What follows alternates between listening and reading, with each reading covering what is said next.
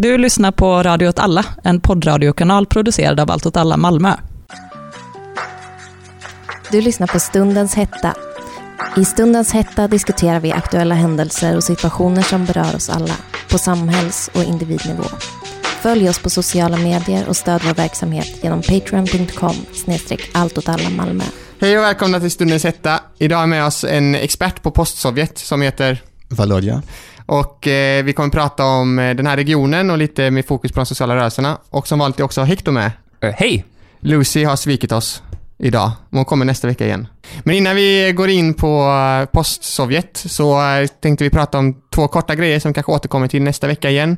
Och det ena är att Unite en fackförening i England har börjat dra in sitt stöd till Labour. De har börjat med 10% och medlemskapet hos den fackföreningen går upp medan eh, medlemskapet i Labour går ner, vilket är en ganska intressant utveckling om man kan se eh, den här, eh, vad ska man säga, generation left då lämna Labour till förmån för facklig kamp och det har vi pratat om tidigare i ett avsnitt om att eh, facklig kamp är 20-talets eh, melodi enligt Deutsche Bank i alla fall. Enligt Deutsche Bank i alla fall. Och det andra var om eh, något hus i Berlin.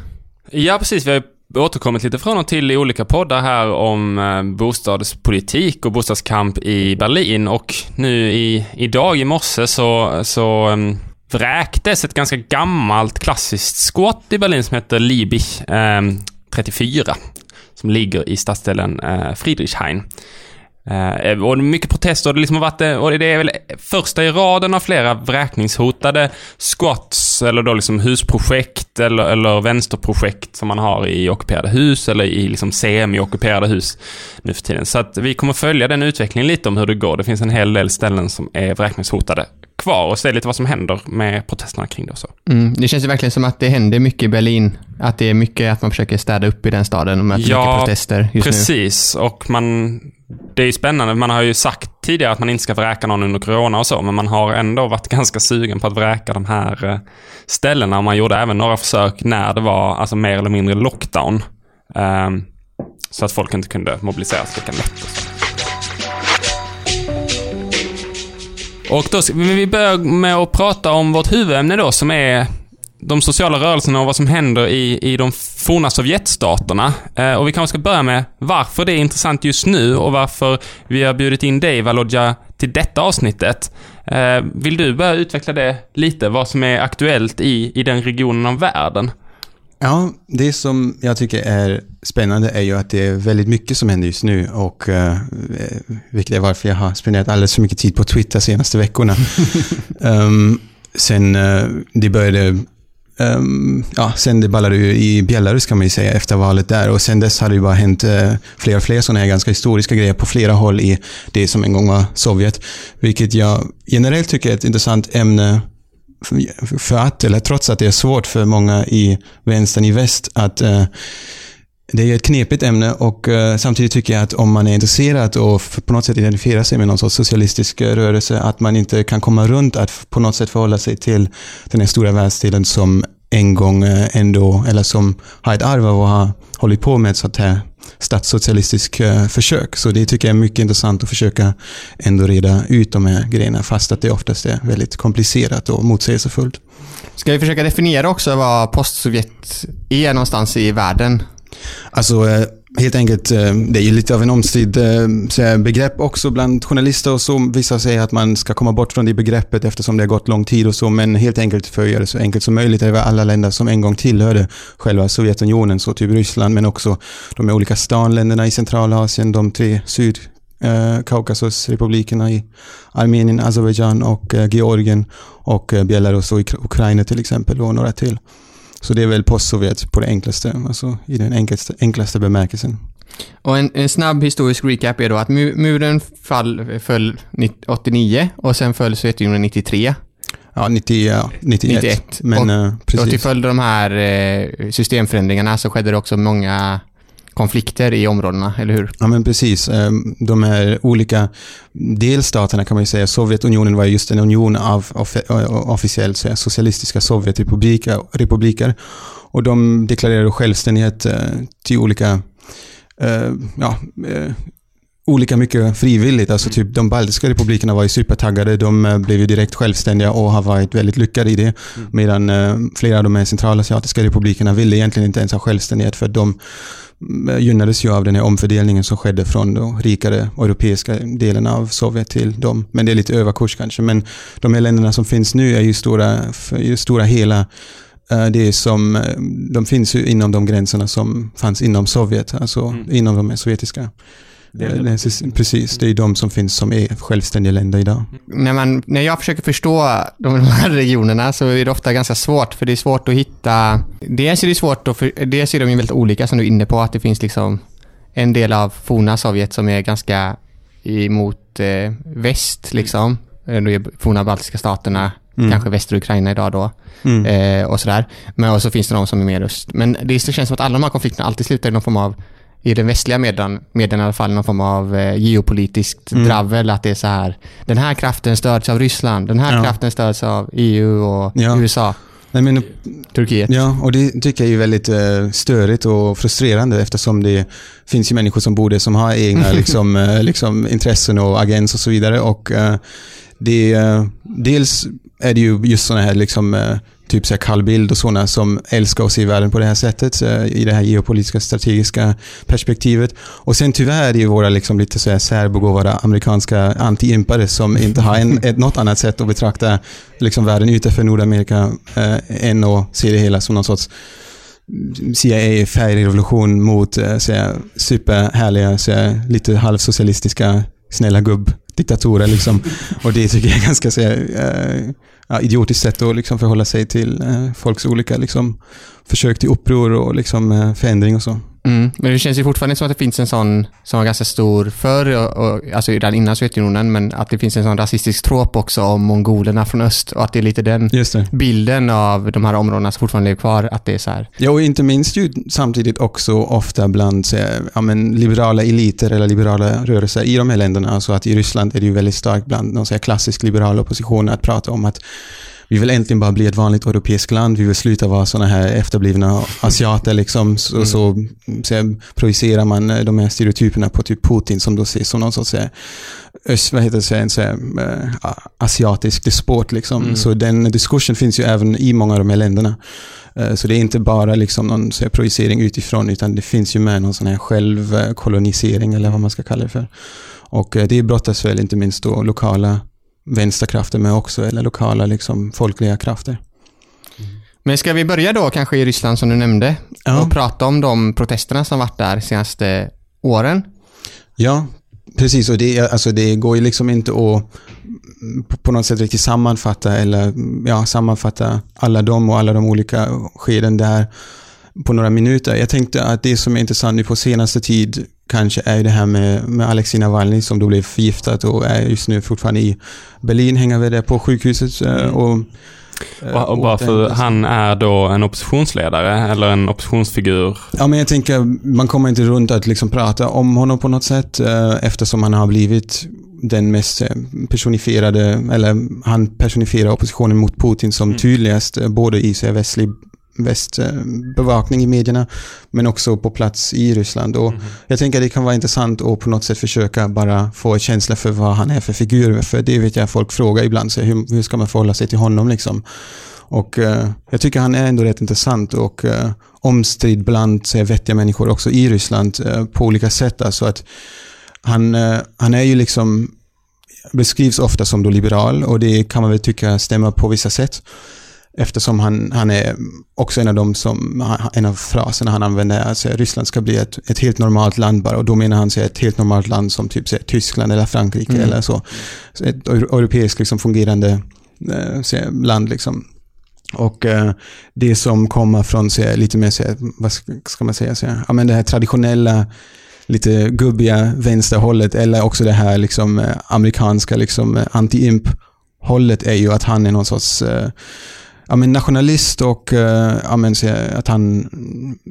Ja, det fanns en artikel som publicerades faktiskt i, i Jacobin av, eh, en, eh, av två personer som då bodde båda två i Sverige. Han Alexej Sachnin som var en vänsterperson som hade flytt till Sverige och nu är tillbaka i Ryssland och hans polare som är Per Leander. Ja, precis. Ja, vad har? Han skriver för typ Han, ja, han, skrev, nej, han skrev för Internationalen, så han Internationalen. rörde sig i trotskistiska kretsar. Ja, och då skrev de att Navalny var då eh, Rysslands eh, Trump, liksom, var Mm. deras stora eh, rubrik, vilket många som har befattat sig med honom tyckte var lite av en överdrift och lite missvisande.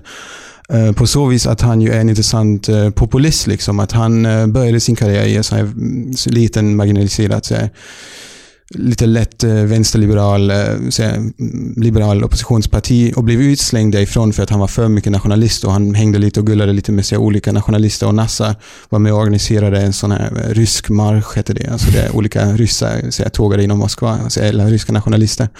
Och det är ju rätt att man ska bli lite skeptisk mot sådana figurer, men samtidigt har han liksom inte hållit på med det där så särskilt mycket de senaste åren utan haft genomgått ganska mycket av en vänstersväng eller liksom upptäckt för sig själv kan man säga eftersom man är väldigt pragmatisk eh, och väldigt eh, ändå ja, en pragmatisk liksom, aktivist och politiker har han liksom vänt sig till, alltså, eller gjort en vändning åt det mer eh, vänsterpopulistiska hållet som att till exempel när det var stora protester för några år sedan mot att Putin höjde pensionsåldern i Ryssland som var väldigt Mm som mötte väldigt mycket motstånd bland, bland jättemånga ryssar då. Då var han med och krävde att det inte skulle genomföras och så mot eh, många av hans gamla liberala kompisar då.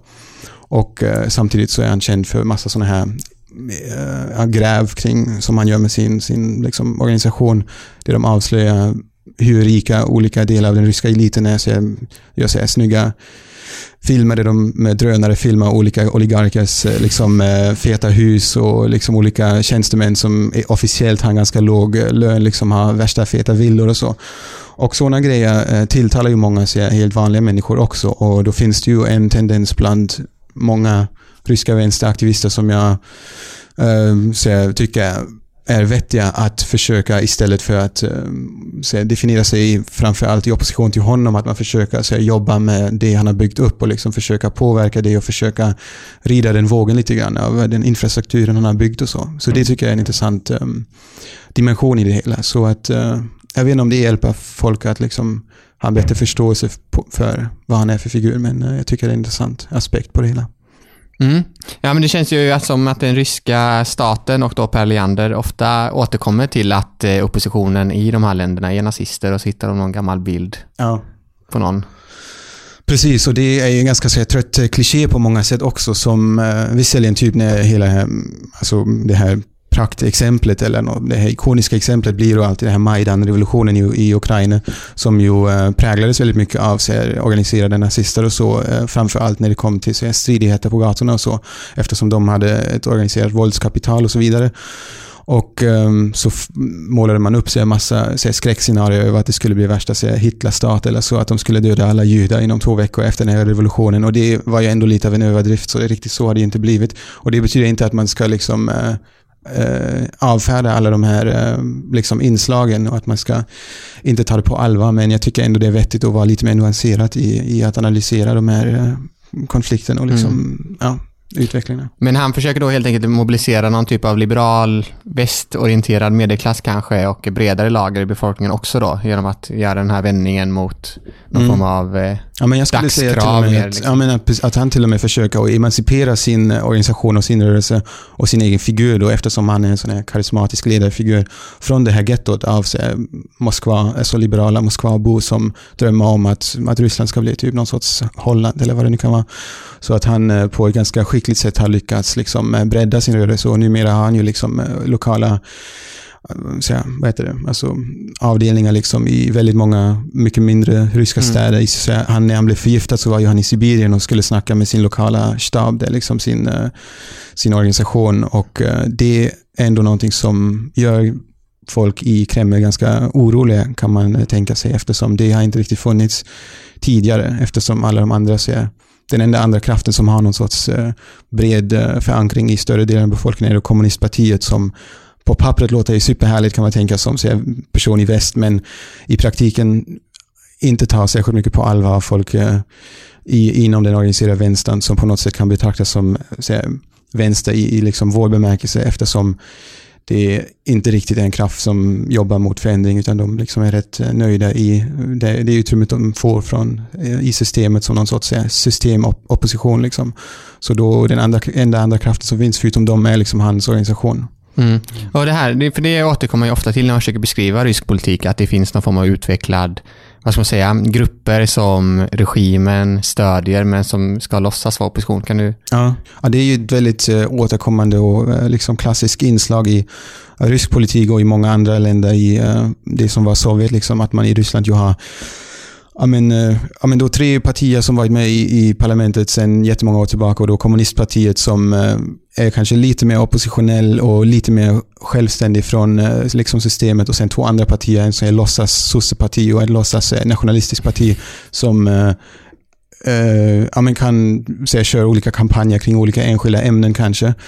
Eh, men aldrig till exempel kritisera Putin själv. Så det, är liksom en, det finns en väldigt tydlig liksom, eh, ett tydligt spelplan för vad man ska få hålla på med och vad man ska inte prata om. Liksom. Och eh, det gör det ju ganska svårt och det bidrar ju till en sorts apati, eller har gjort det i många år, att väldigt många vanliga människor så, känner förakt för politik i allmänhet och så, försöker hålla sig bort från det de känner är något fult spel som bara liksom präglas av så eh, bakomliggande agendor och så, som inte har något så genuint i sig, utan allting går att köpa och allting är bara någon sorts eh, eh, eh, charad. Liksom. Och det känner ju, det präglar väldigt många människors eh, känsla för vad politik är för något.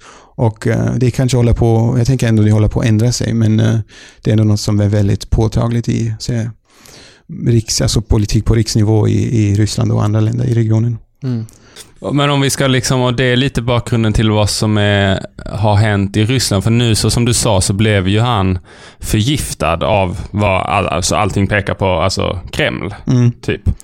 Och vad Precis. har det hänt nu då? Han håller på att återhämta sig på ett tyskt sjukhus, men vad... Ja, och sen alltså precis hela den här förgiftningen, man kommer ju in lite grann tyvärr i uh, Alltså, det, det är en superspännande grej såklart, så superhäftigt, så James Bond-artat, men man kommer ju också in direkt i sådana här spekulationer i hela den här liksom, uh, spel mellan olika underrättelsetjänster, så jag vet inte om det ens är så intressant i sig självt egentligen. Det man kan säga, det man kan konstatera är väl kanske att uh, innan han blev förgiftad så fanns det vissa som var så här, ja men om han nu är så farligt mot, eh, för regimen, varför lever han då? Varför har han inte blivit dödad? Och han själv brukar skämta om det. Så här, och nu eh, sa han i något intervju att ja, men det är en positiv grej med det här att nu kan ingen säga så länge för att de har ändå försökt. Liksom. Men eh, Ja, jag vet inte, det får vi väl avvakta och se lite grann. Han är liksom i Tyskland nu. Det som är intressant är väl att de gör försök i Ryssland att förhindra att han ens ska återvända. Liksom. Och det kan man ju undra om det är någon sorts, om det var någon så om det var planen är väl svårt att säga eftersom vad jag förstår är det här giftet liksom inte så planerbara. Så det var nog rätt troligt att han hade lika gärna kunnat dö. Liksom. Men nu överlevde han och då tänkte de väl kanske som någon sorts plan B. Men då ska vi för försöka se till att han inte kommer tillbaka typ ha så, vad heter det, beslagtagit hans lägenhet och sånt på grund av en så, rättsprocess som pågick mot honom. Så att eh, för att jävlas med honom så mycket som möjligt. Fast han själv säger att han ska återvända, så det får vi se hur det utvecklar sig. Mm. Men jag har förstått också så är det som att eh, Putins liksom, populära stöd bygger lite på att han också på något sätt lyckades eh, höja eh, levnadsstandarden för väldigt många i Ryssland genom att ge sig på oligarkin. Mm. Och sen nu när oljepriserna börjar dala lite så är det svårare för honom att upprätthålla den eh, mm. eh, ekonomin som haft innan. Mm. Ja, precis. Det blir ju också så här, det, det är en väldigt lång diskussion att försöka se på något sätt skapa någon se, vettig narrativ kring hela hans um, tid vid makten, liksom, numera 20 år. Men uh, det är väl bland annat en narrativ som han själv väldigt mycket har skapat, att han är liksom den som har räddat Ryssland från de här olika oligarkerna. Och det här kaoset som skedde så under 90-talet med, med chock, chockdoktrinen, liksom total eh, privatisering och så här, och så vidare som skedde på 90-talet. Men eh, den här, det här narrativet är ju också ganska idealiserat, så egentligen kan man ju snarare säga att han på något sätt har legaliserat oligarkin snarare att han, än att han har avskaffat det. Liksom. Utan han har ju lyckats så länge för att han har skapat någon säga, balans mellan olika fraktioner inom så här, eh, oligarkin, liksom, eller mellan olika oligarker som har då kommit överens med honom om att inte blanda sig i för mycket i dagspolitiken utan låta, låta honom sköta det. Men samtidigt få hålla på och eh, liksom eh, roffa åt sig så mycket pengar de, de kan liksom, och de vill. Och det är egentligen det som, eh, som är liksom grunden för hans eh, makt. Sen vad gäller sig folkligt stöd så finns ju det här traumat från 90-talet väldigt starkt fortfarande, bland annat, bland, framförallt bland äldre. Så det finns ju definitivt kvar och samtidigt någon så här nationell revanschism eller så chauvinism bland alla som känner sig kränkta och för, för olämpade av väst för eh, hur det gick med Sovjet och så vidare. Så sådana här äventyrer som i, i Krim till exempel, som ju de flesta ryssar anser som någon här, Mm. eh, deras. Liksom. Många har spenderat barndomssemestrar där och så, så det är väldigt starkt och symboliskt. Det var ju ett otroligt stöd för honom. Som nu då kollar på, har, liksom det har spelat ut sin roll lite grann. Nu faller hans eh, förtroendesiffror igen till nivåer som är lite lägre än vad de egentligen var precis innan den här Krimkrisen som blev ett väldigt boost för honom. Så Ja, men det är alltid svårt. Det, folk har ju spekulerat i många år kring att ja, men, eh, nu är det slut, liksom. nu har han använt alla sina tricks, nu snart är hans dagar räknade och så eh, har, har han lyckats liksom hitta på eh, olika knep för att hålla sig i makten, så vi får se helt enkelt. Och eh, ett annat land som det också har rört på sig eh, senare tid, det är ju Belarus. Ja, precis. Det var i starten på den här eh, intensiva eh, Twitter-perioden för mig när eh, jag kom hem från, Det hamnade i ett så kallat svart hål. verkligen ja, när jag kom hem från segelsemestern under sommaren liksom och skulle säga, återvända till jobbet så var det bara, fy fan vad hände i Belarus? Så det var ju liksom, men inte helt oväntat på ett sätt att det skulle bli lite protester och så efter valet där. Men att det skulle bryta loss så mycket som det gjorde, det var det ingen som riktigt förväntade sig till den utsträckningen. För att man har ju haft ehm, under den här tiden som Lukasjenko som är president i Belarus har varit vid makten har det förekommit lite då och då att folk protesterar efter val. Men det var, var alltid en väldigt snabb affär. Han kom in med kravall, polisen liksom slog ner allting, haffade så många som möjligt och så var det slut på det liksom.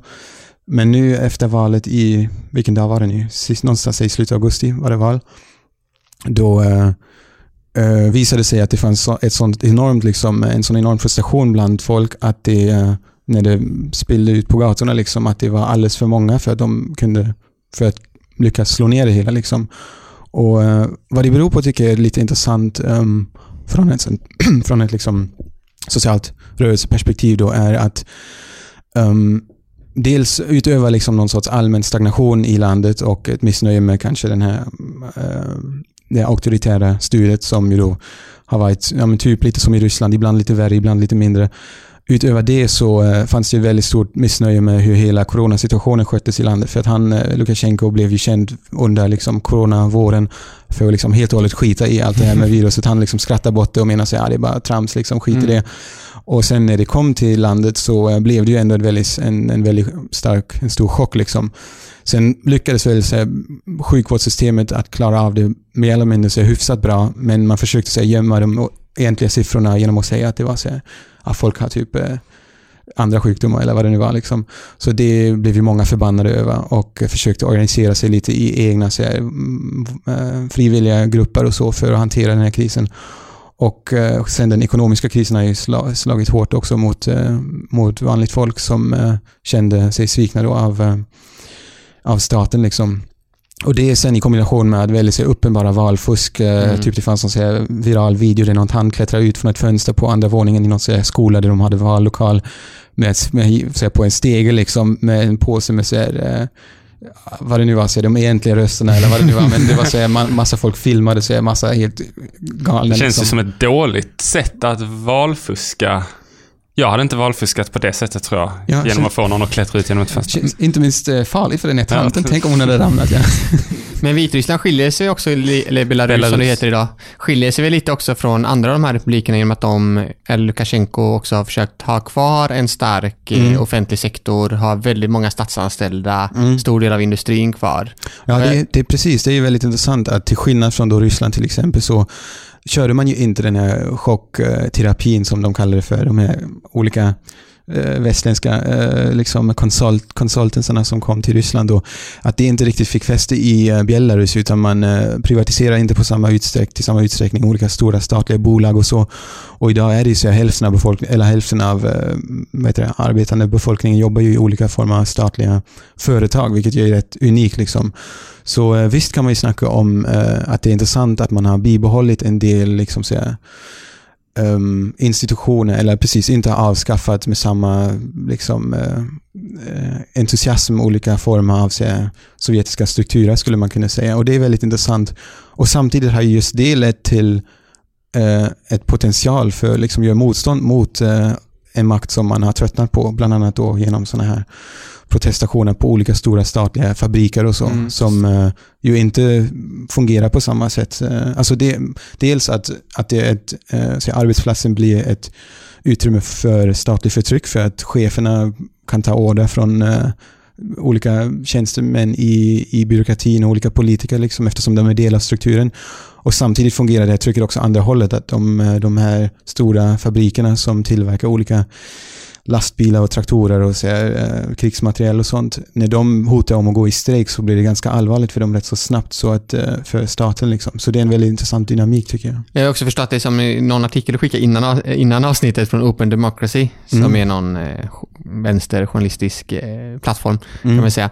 Där skriver, beskriver de också att eh, de här anställda inom den eh, statliga sektorn har liksom rå- råkat ut för någon form av semiprivatisering också de senaste Ja. eh, tio åren. Nej, precis. Och det tänker jag är bra att, att hålla i åtanke när man pratar om eh, vad som har bevarats typ från Sovjet och vilka, huruvida olika aspekter det är bra eller dåliga. Att det är ju som vanligt inte så enkelt som att typ bara man förstatligar allt så blir det jättebra. Utan i en sån där stat, eh, då eh, eller som läget är i Belarus, intressant nog, är ju typ att eh, anställningsformerna trots allt är extremt prekära för de allra flesta som har typ så här, 90% av, eh, av alla anställningar som folk har är liksom baserade på eh, korttidskontrakt, eller så ett års långa kontrakt. Så samtidigt som man jobbar för något statligt företag och skulle utifrån någon här, svensk eh, eh, här, eh, Välfärdsmodell. Precis, att man skulle tänka, ja men då måste det vara jättetryggt, så är det inte alls det, utan att man kan bli uppsagd, eller snarare för att kontraktet kan hotas att inte förlängas hur lätt som helst. Och eh, samtidigt som så fackföreningsrörelsen har blivit eh, eh, så strupt så mycket det bara går, liksom att det är olagligt att strejka för politiska ändamål och i praktiken också helt omöjligt att strejka för ekonomiska krav. Liksom. Så att eh, bara för att, är, att man jobbar åt staten betyder inte definitivt inte i Belarus att det är Nej, liksom Fackföreningen supermysigt. är väl nästan en del av staten, alltså den officiella som det var i Precis, Sovjetunionen. exakt. Man har ju ärvat då den här strukturen från Sovjettiden då ju fackföreningar inte heller var någon så frihetlig eller fri, fristående kraft för i, som försvarade arbetarnas rättigheter utan var ett sånt här, mer som en social institution som så här, organiserade sig, ehm, så här, jag menar att man kunde åka på semester på olika så här, statliga span och sådana ställen. Alltså så här, mysiga grejer men inte riktigt så här, arbetarkamp direkt. Liksom. Nej. Det, det också för att förstå hur repressivt eh, Belarus är så var det också, stod det också om den här klapp som var för några år sedan. Alltså att när folk istället, de vågade inte skrika ut så man klappade istället. Ja. Men de blev också extremt eh, repressivt återhållna ju. Ja, nej, och det är precis och det såg man i de här första dagarna efter valet att de försökte köra samma teknik i princip, slog ner protesterna så hårt det bara gick. Liksom. Det var helt sinnessjuka vittnesmål om, eh, ja, men dels ute på gatorna, att de bara slog sönder alla de kunde träffa på, och även om det var bara någon som gick med hunden eller skulle liksom gå och handla. Och så tog med folk i olika förvar och liksom, eh, torterade dem där och så. Alltså det är helt eh, sinnessjuk våld som de försökte använda. Men sen som också slog emot dem och just de här stora arbetarprotesterna på de här olika stora fabrikerna, de riktade sig framför allt då mot det här våldet och att de skulle sluta med att förtrycka liksom, den här Mm. proteströrelsen. Och så framgick det också att det var att eh, de har några hundra poliser per hundratusen invånare i Belarus. Ja, och att det rätt. är liksom den egentliga karriärsmöjligheten för folk på landsbygden också. Att Ja. försöka liksom ta sig därifrån så måste man bli polis. Ja, tänk Så- vilken dröm för sig Moderaterna som Ja, har fler, fler poliser. Ja, men, Det är sa du, deras- hade de några hundra? Ni har 100 poliser per 100 000 invånare. Är det mycket? Det är väldigt mycket. Det är mycket. Och, eh, men man räknar, de, offici- alltså de officiella siffrorna är där, men de inofficiella siffrorna är kanske 1000. Okej. ja, alltså jävligt politiser, eller vad heter det? Ja. Polisifierat samhälle liksom. Exakt. Och att de är väldigt lojala då, eftersom det är en av få karriärsmöjligheter. Ah. Ja, om man växer upp sig i någon by eller så inte vet Mm. vad man annars ska hålla på med så kan man ändå bli liksom polis eller kravallpolis. Och, ä- och samtidigt är det, även det har blivit en intressant det, konfliktyta att eh, eftersom det nu verkar som att det enda så är riktigt lojala segmentet i samhället, eh, så lojal mot eh, Lukasjenko är då så inte ens polisen i allmänhet utan just så här, de här insatsstyrkorna eller kravallpolisen och MON Mm. att ehm, de, de har ju gått runt med mask och varit maskerade i rädsla för att bli liksom outade och doxade om det skulle bli ett maktskifte. Och då har folk typ, de har en ganska så här levande IT-sektor i Belarus som har eh, skapat det här mobilapp, Mm. eh, med, med stridsvagnar, vad heter det? World of Tanks eller något. Så Ja, okej. det är liksom deras största exportprodukt. Jättepoppis eh, mobilspel, men i alla fall Ja, det finns är det- eldrörelse. Ja, de, de, de känner säkert till den. Men eh, i alla fall har de, alla de här IT-personerna, de har satt sig, eller några av dem då har skapat liksom, eh, ett program eller så, skapat sig ett sätt att genom ansiktsigenkänning eh, av liksom maskera olika kravallpoliser på olika videorna. Så de har liksom, det har läckt ut olika så här, interna databaser med, med de här kravallpoliserna och deras personliga sociala medieprofil. Och så har de gått igenom och tagit olika filmer från sig, olika kravallsituationer Mhm. och matchat dem och hittat vad de, vilka de är egentligen. Eh, Och samtidigt har så demonstranter försökt riva av deras balaklavas och så, deras masker för att outa dem och då brukar de springa iväg. Det är ganska roligt att se. Ja, jag såg det på den här filmen, att när någon- de drog ner så bara sprang de. Precis. Hur någon 18-årig tjej liksom drar av en sån här jättestor kravallsnut, liksom, eh, den här masken och så springer han iväg för att eh, de är så rädda för att bli outade. Så det ja, visar ju att de inte känner sig supertrygga och säkra på att deras president kommer liksom klara sig. Så det är intressant. För det har jag också förstått att det är intressanta med den här vågen av protester i Vitryssland. Det varit tidigare protester eh, 2014 tror jag den här klappprotesten var och så var det någon gång innan dess och sådär. Mm. Men att det intressanta med den här är att de här IT-snubbarna har liksom allierat sig också med de, med de här fabriksanställda och att det är något nytt i vitrysk modern historia att det har skett en sån koalition. Ja, och kanske om man nu ska vara sådär, eh, ja men om man skulle ha de här klyschiga glasögon på sig skulle man ju säga, ja men sådana här IT-personer som vill ju ändå hellre bo i så här, Silicon Valley eller i Europa. Det är klart att de är emot så här, Lukasjenko, men att just de här, eh, så här fabrikarbetarna med så här, eh, ja, sådana här riktigt klassiska så här, blue collar arbetare, att de eh, eh liksom ställde upp mot honom, det är ju då mycket mer nämnvärt liksom, och intressant. Och det blev ju en del sådana ganska roliga videos där han, Lukasjenko, ska gå och prata med liksom sitt folk och gick på till olika sådana här fabriker och folk buade honom och skrek att han skulle avgå och sånt. Eh, så han gjorde ju bort sig rätt mycket då. Ehm, sen nu verkar det ju ha liksom lugnat ner sig ganska mycket, just de här eh, den här, det här arbetarmotståndet. I början var det ju snack om så här, generalstrejk och sånt, vilket hade ju varit helt eh, historiskt liksom, i något sånt här forna Sovjetland. Att, eh, sen typ då 90-talet, eh, sen Mm. Sovjet, alltså när Sovjet kollapsade fanns ju sådana stora strejkrörelser i olika i Ukraina och Ryssland och så, men sen dess hade det inte förekommit i den utsträckningen, så det är väldigt intressant. Men nu verkar ändå de här olika eh, repressiva åtgärderna fungera på så vis att folk har slutat eh, gå ut och hota om strejk eller prot- protestera på sina arbetsplatser. Då antagligen inte minst eftersom de vet att ja, men de kan bli sparkade och så. Så det är oklart hur det kommer att utveckla sig nu. Och vilken roll har eh, den eh, vänstern i eh, Vitryssland? Eller Belarus?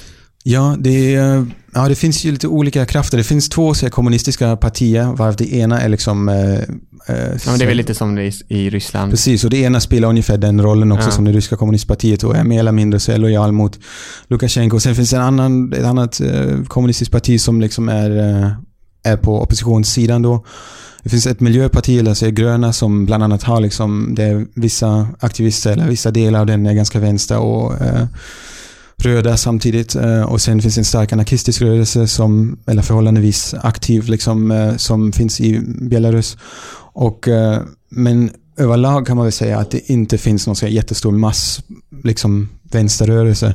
Och då kanske med det sagt kan man ju tänka att det är intressant att den här proteströrelsen som på något sätt växte ju ur den här klassiska liberala oppositionen mot Lukasjenko och inte har framför allt krävt sådana här ja, men klassiska liberala eh, säga, policies. Liksom att även om de är eh, kandidaterna som blev, inte blev tillåtna för att ställa upp på valet eh, hade liksom sånt i sitt program så um, har inte det varit liksom, uh, det centrala i de här proteströrelserna utan det har varit mycket mer någon sorts, ja, men, ja, om man nu ska kalla det för någon sorts populistisk mobilisering kanske. Uh, och hon Tichanovskaja som sen uh, den här hemmafrun va? Precis. Som bara, jag tycker ingenting, jag vill bara att Lukasjenko ska avgå. Precis, hon är ju på något sätt någon här perfekt symbol för Ja. här, sån här icke-politisk politik eh, som ju dels kan man tycka är liksom lite deprimerande för att man ju gärna vill se så här, superbra så här, sociala krav och så här, Och det vänsterpolitiska var krav. opp oppositionsledaren i valet. Ja, hon blev ju det Hon lite av misstag kan man säga Okej. nästan. Hennes eh, make skulle ställa upp egentligen. Han är så här, bloggare, kanske lite nästan jämförbar med någon sorts Navalny fast inte lika etablerad och känd i Ryssland då. Men eftersom han eh, inte, blev, han, han inte fick ställa upp så gjorde hon det istället och blev sådär lite av eh, misstag bara. Liksom den här eh, i, ikoniska liksom, eh, ledarfiguren samtidigt som hon själv egentligen inte alls har varit politiskt aktiv. De fängslade väl honom? Mannen? Eh, det var väl det som hände? Ja, precis. Ja. Eh, Och, eh, det fanns tre sådana här kandidater som, eh, alltså, en flydde till Ryssland och så vidare. Så de, eh, ingen av de tre fick ställa upp och deras eh, partners, eh, tre kvinnor, då ställde upp istället. Vilket jag tycker är en lite rolig, liksom, jag vet inte om det är sidospår, men en, en intressant aspekt i det hela är det här genusperspektivet, om man ska kalla det det. Liksom. Men att eh, man, eh, att liksom faktumet att de inte var lika rädda för att de här kvinnorna skulle ställa upp avslöjar ju den här djupt rotade liksom, eh, patriarkala inställningen mot makt som ju Lukasjenko själv, när gubben liksom presenterar Mm. extremt tydligt när han ska gå ut och liksom visa vilken tuff kille han är. Liksom. Men samtidigt så underskattar han väl liksom det folkliga förtroendet som man ändå kunde, som folket ändå då kunde utveckla också för en sån helt vanlig kvinna. Och samma dynamik har man ju sett sen på gatorna när först, de första nätterna var det många unga män som var ute och vissa ser lite fotbollssupportrar så slogs med polisen och så. Men det försvann sen efter några dagar och sen blev det ju väldigt sto- stort med så här just kvinnor i första raden för att eftersom den här eh, kravallpolisen är så liksom, traditionell så tycker de att man inte ska slå kvinnor. Och att det funkade extremt bra. Att liksom, de kunde dels, eh, ja, men de, ja, att de kunde gå i första raden och komma undan en massa, sa- med en massa saker som eh, män då inte hade fått göra. Så det är en ganska rolig dynamik. Liksom. Mm. Vad tror du kommer hända nu då? För det har ju blåst över lite de här första protesterna. Ja, Och han sitter ju kvar, Lukasjenko. Ja, det har ju gått väldigt mycket fram och tillbaka. Man tänkte först att ja, han bara slår ner allting och sen eh, när han gjorde bort sig lite offentligt på olika sätt tänkte man nej nu är han körd. Det kan, ju- Mm. Ingen kan ta honom på allvar längre. Liksom. Nu är det lite mindre klart. De har ju fortsatt, imorgon är det en stor aktion planerat, eller på lördag nu.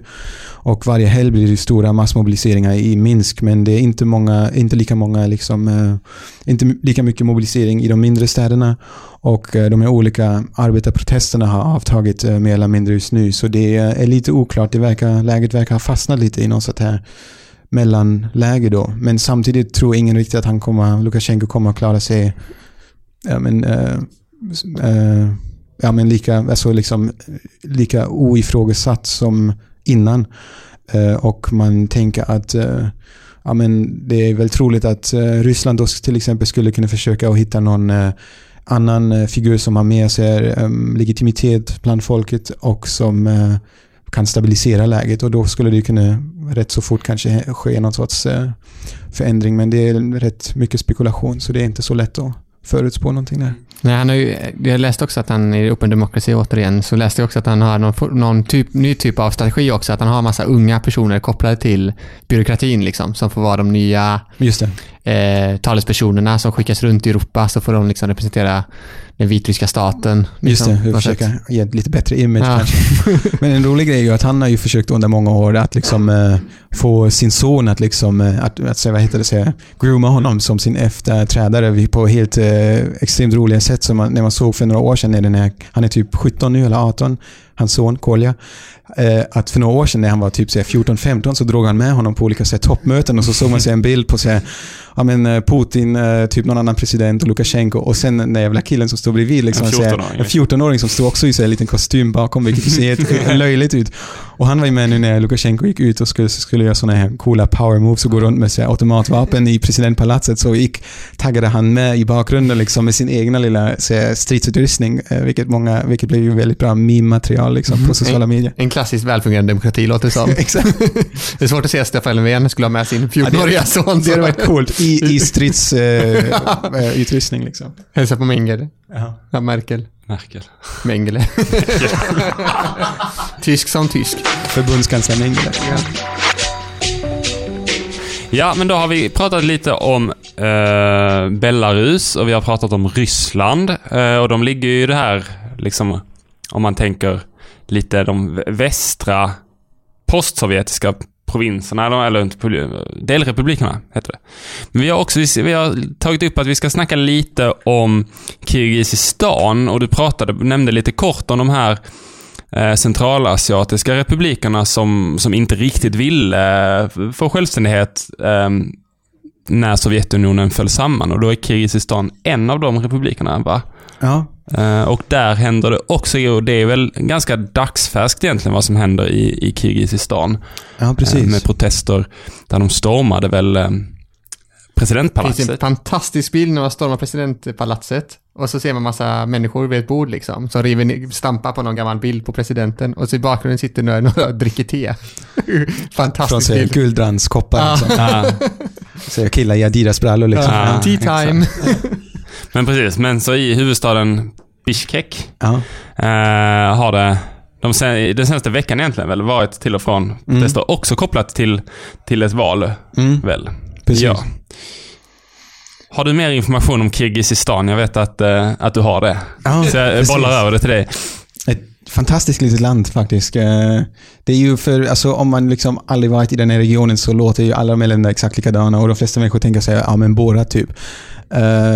Eh, Men eh, det är en intressant region. Visst, det är liksom, man kan tänka det är sånt här backwater, liksom, inget händer där. Men de själva menar sig, vi är ju centrumet av världen. Vi är mitt i Asien, mitt i Eurasien, största, mest befolkningsrika liksom, rika världsdelen. Men skitsamma, det är liksom... eh, Men när man pratar om, om, om när vi pratar om Centralasien och när vi pratar om de eh, postsovjetrepublikerna så pratar vi då om, om Kazakstan, Mm. Kirgizistan, Tadzjikistan, Turkmenistan och Uzbekistan. Exakt. Är det fler? Tjetjenien eller? Också? Nej. Tjetjenien är- Nej, inte. ligger i Kaukasus. Precis, Tjetjenien är liksom delrepublik av eh, Ryssland i norra Kaukasus då. Men precis, de här fem länderna är det som klassiskt då är Centralasien. När man, alltså, den här regionen eh, definieras ju delvis då av att det är de här fem just postsovjetiska länderna och inte typ Afghanistan eller Precis. Pakistan då, utan de som en gång tillhörde Sovjet då. Och de är ju, mm, alltså, har ju vissa likheter, typ så, ja, men, så, muslimsk majoritet på folk, så, majoriteten av befolkningen är typ på något sätt, nominellt i alla fall, Mm. eh, muslimsk liksom. Men eh, sen också väldigt många, mycket som skiljer dem. Som Mm. typ att Turkmenistan är som ett sånt här, det är ju verkligen som ett sånt här, inte så mycket bårat än uh, säga The Dictator, alltså ett sånt löjligt liksom, helt uh, absurt liksom land med så här, guldstatyer på uh, före detta presidenten och massa sånt. Men uh, så lite Nordkorea liksom. Men, Det är väl eh, ett av de svåraste länderna i världen att riktigt resa till. Ja, det är nästan omöjligt om Nästan. inte man reser med, eh, med, med så här, Ja. organiserade en turistgrupper. stor, stark statlig satsning på Guinness rekordbok. Att Ja. ha så många Guinness rekordboks eh, Exakt. rekord som möjligt. Ja, det är, man kan göra ett helt eget avsnitt bara om Turkmenistan eftersom det är så många liksom helt uh, sinnessjuka Men, precis, men nu slidade vi ut där när vi var på. Kirgizistan och protesterna Men där. precis. Eh, Kirgizistan då är ju lite unik på så sätt att till skillnad från de här grannländerna är det faktiskt inte eh, riktigt en så här, klassisk diktatur utan eh, att de haft liksom olika presidenter, de har lite olika partier och haft olika val som varit mer eller mindre så här, demokratiska. Och den här vad, vad som verkar som en revolution som har skett nu förra, eller efter valet som var nu i, i förra helgen, är då den tredje som har skett där eh, efter att de kastade ut en president 2005, sen en till 2010 och nu tydligen den tredje eh, det här året. Och eh, Ja men precis, man kan ju säga undra, ja, men vad har det med, med oss att göra? Eller så det är så långt bort och det är ett litet fattigt land och så. Och, eh, och det är väldigt svårt att liksom jämföra sig politisk kultur och så där eftersom det är ja, väldigt präglat av sig, väldigt traditionellt präglat. Typ så alla kan rida häst, typ. Folk lär sig att rida häst när de är så fyra år gamla på riktigt. Liksom. Så att det känns ju som eh, svårt att inte glida in i någon så orientalism liksom, eftersom det är så annorlunda från vad, vad man är van vid. Men samtidigt så är det intressant att se att det är också någon sorts urpolitik som sker där. Alltså att det är på något sätt när de har revolution så är det på något sätt också sinnesbilden av en revolution på vissa sätt. Alltså att det var efter det här valet som var omstridd och, och präglad av lite så här fusk och så. Och, ehm, och, och som eh, folk blev upprörda över. Så blev det en stor folksamling på det största torget i huvudstaden i Bish, eh, Bishkek. Och eh, under kvällens gång så liksom drog vissa iväg mot eh, presidentpalatset, eller så både, det, både parlamentet och presidentpalatset nu, som ligger några hundra meter bort därifrån. Typ eh, tryckte in grindarna eller klättrade över och bara ockuperade det. Och då var det revolution typ. Så det är en sån stormning av Bastiljen. Ja men precis, så på så sätt är det ju eh, väldigt livligt och väldigt spännande och det är än idag, alltså nu efter en knapp vecka av att det här har hållit på, är det ganska oklart vad som har egentligen eh, vad som är läget just nu. Det är väldigt rörigt. Det är, tidvis har det varit tre olika personer som har deklarerat sig själv som premiärminister och det är en eh, före detta president som satt eh, fängslad efter att han hade ett falling out med sin efterträdare, alltså den nuvarande presidenten. De var med i samma parti, det socialdemokratiska partiet, som har väldigt lite med någon sorts klassisk socialdemokrati att göra, utan mest bara heter så på pappret. De var först polare och han satte dit sin efterträdare liksom efter sig på presidentposten, men sen hade de ett falling out och eh, han liksom barrikaderade sig, den här förra presidenten, i sin eh, hemby liksom, med sina supportrar och så kom insatsstyrkan och försökte så här, fånga honom och då blev det liksom, så här, skottlossning och några som, eller en eller två som dog tror jag. Och så tog de fast honom i slut, men sen nu i samband med den här revolutionen i helgen så fritogs han efter, eh, efter det blev ett väldigt kaotiskt läge där i huvudstaden. Och det som är intressant förutom någon så att säga abstrakt liksom, analys av eh, hur makt kommer till och vad som utgör liksom statlig makt, vilka symboler och vilka platser som eh, bestämmer vem som har makten i ett land, så kan man ju också ändå koppla det, trots att det känns så himla långt bort och så annorlunda, kan man ju koppla det till globala trender som till exempel då eh, också covid-krisen liksom, som visade för många i Krisistan just i eh, juli var det väl som det pikade där och det var ja, men för folk på plats, de beskriver det som att det var som i Italien fast värre. Så upplevde de det för att staten är så försvagad och sjukvårdssystemet så icke-fungerande att ingen, ingen statlig struktur kunde riktigt hantera den här krisen. Och äh, återigen där, till en mycket större utsträckning vad jag förstår än i till exempel Belarus, så blev det massa sådana här frivilliga organisationer som äh, försökte att äh, praktisera någon sorts solidaritet och hjälpas åt och organisera dels med sjukvårdsinsatser och andra insatser för att lätta läget för befolkningen. Och det är många av dem sen dels som var med i, det här första, i den här protesten som ledde till det här, den här vad som verkar vara en revolution. Lite oklart om det nu är det eller inte. Men också som nu, eh, alltså att de här eh, grupperna har bildat olika former av vad man skulle kunna kalla för medborgargarder kanske som bevakar olika byggnader och så små mataffärer och bostäder och så under nätterna nu när det varit så eh, oroligt och osäkert på gatorna eftersom samtidigt som den statliga ordningen verkar ha kollapsat och den Eh, alltså stats, det statliga våldskapitalet i princip så försvann i och med att också vanliga poliser inte eh, är supertaggade på att offra sig ifall det blir ett maktskifte eller att ens bara slåss med demonstranter på gatorna.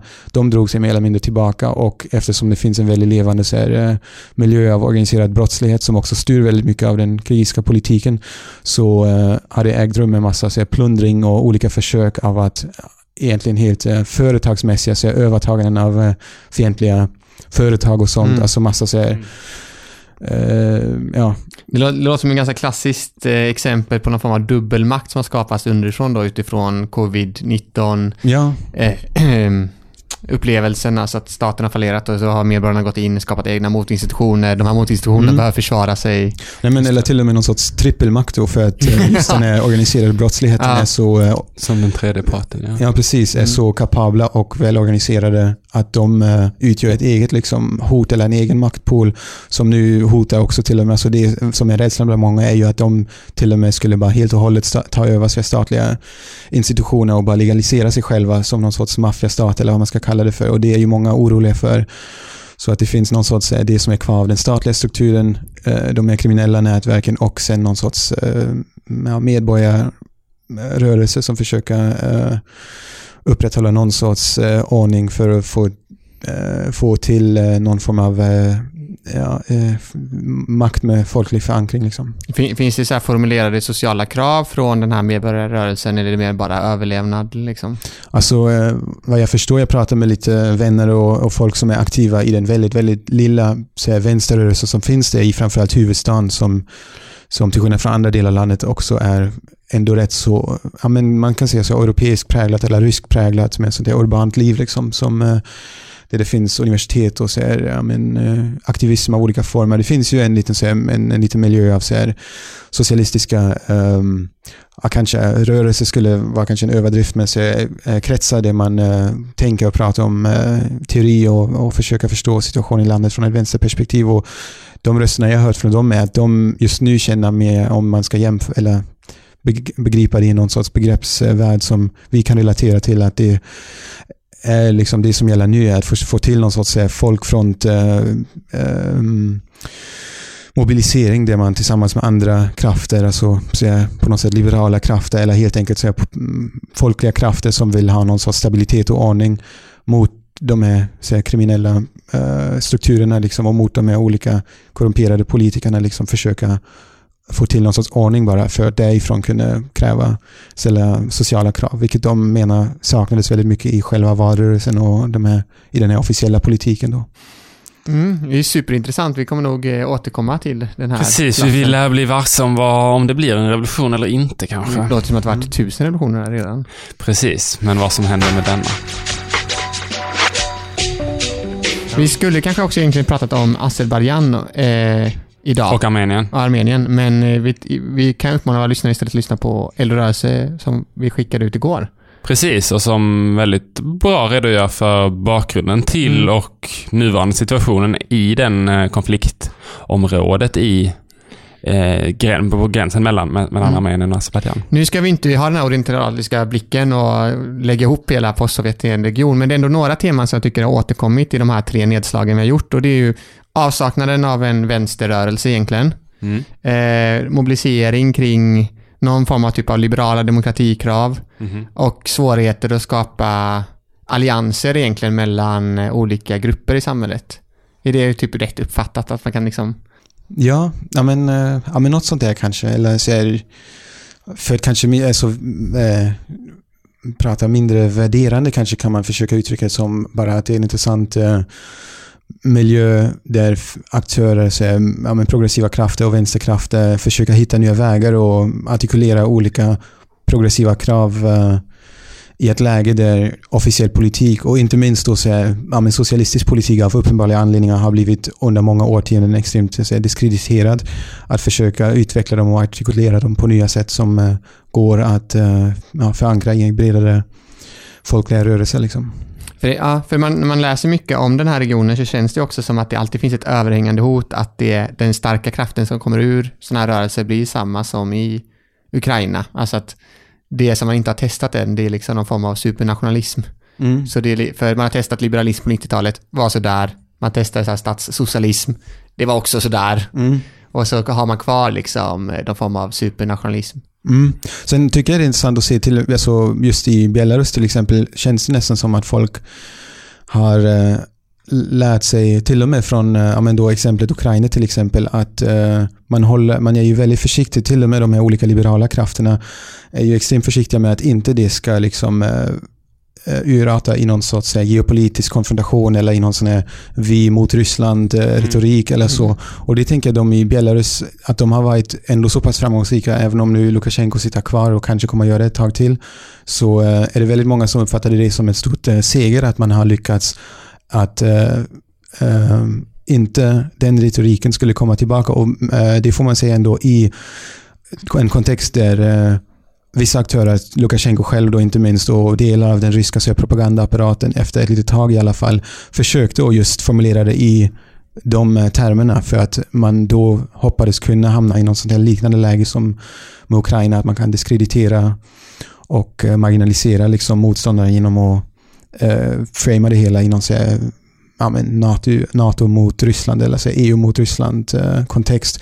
Vilket eh, rörelsen själv då i Belarus har väldigt, varit väldigt medveten om och inte hamna i liksom. Mm, och man märker också hur bred den rörelsen är, för till exempel där, de har ju en slogan som påminner om Occupy, som är We are the 97%. Ja, Inte 99 just det. utan 97 då, eftersom 97% emot Lukasjenko och 3% är för menar man. Ja, precis. Till skillnad från i valet när 80% var för. Liksom. Ja, exakt. Officiellt, ja precis. Och det, är- just det är ju också en sån grej som då typ eh, Alexej Navalny i, eh, i Ryssland har jobbat med också en del, alltså utan att bli lika kanske säga Ja, men utan att bli antikapitalistisk på något uttalat sätt så jobbar han ju väldigt mycket med någon sån här eh, vänsterpopulism på så vis att han alltid pratar om, ja, men, han säger väl inte, han säger ibland så är en procent eh, den retoriken, men att han ändå, man ser att han har kopierat en viss retorik eh, av att eh, det är någon sorts, ja, men, folket mot de här, den här extremt lilla minoriteten av superrika oligarker och tjänstemän. Liksom. Det är ju ändå något, det han har gått vidare, alltså bort från bara att,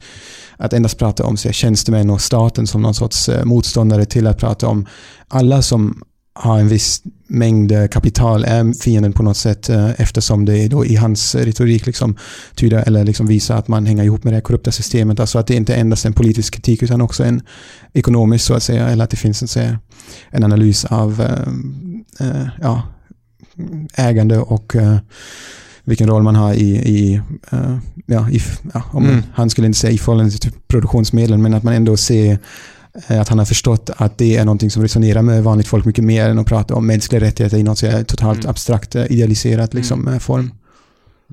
Det är intressanta tider vi lever i helt enkelt. Får vi se om de här ja. rörelserna lyckas på något sätt vinna över de här maktfullkomliga, korrupta eliterna. Ja. eh, och Tack så hemskt mycket för att du var här. Ja, tack jättemycket. Så jättemycket. Det var superspännande. Ja, ja, väldigt intressant. Vi har nog anledning att återkomma till det här eh, ja. flera gånger i framtiden. Och nästa vecka så blir det mer som ett vanligt avsnitt och då kommer också Lucy tillbaka. Eh, tack för att du lyssnade. Hej då. Hej då. Trevlig helg. Följ oss på sociala medier och stöd vår verksamhet genom patreon.com snedstreck allt åt alla Malmö.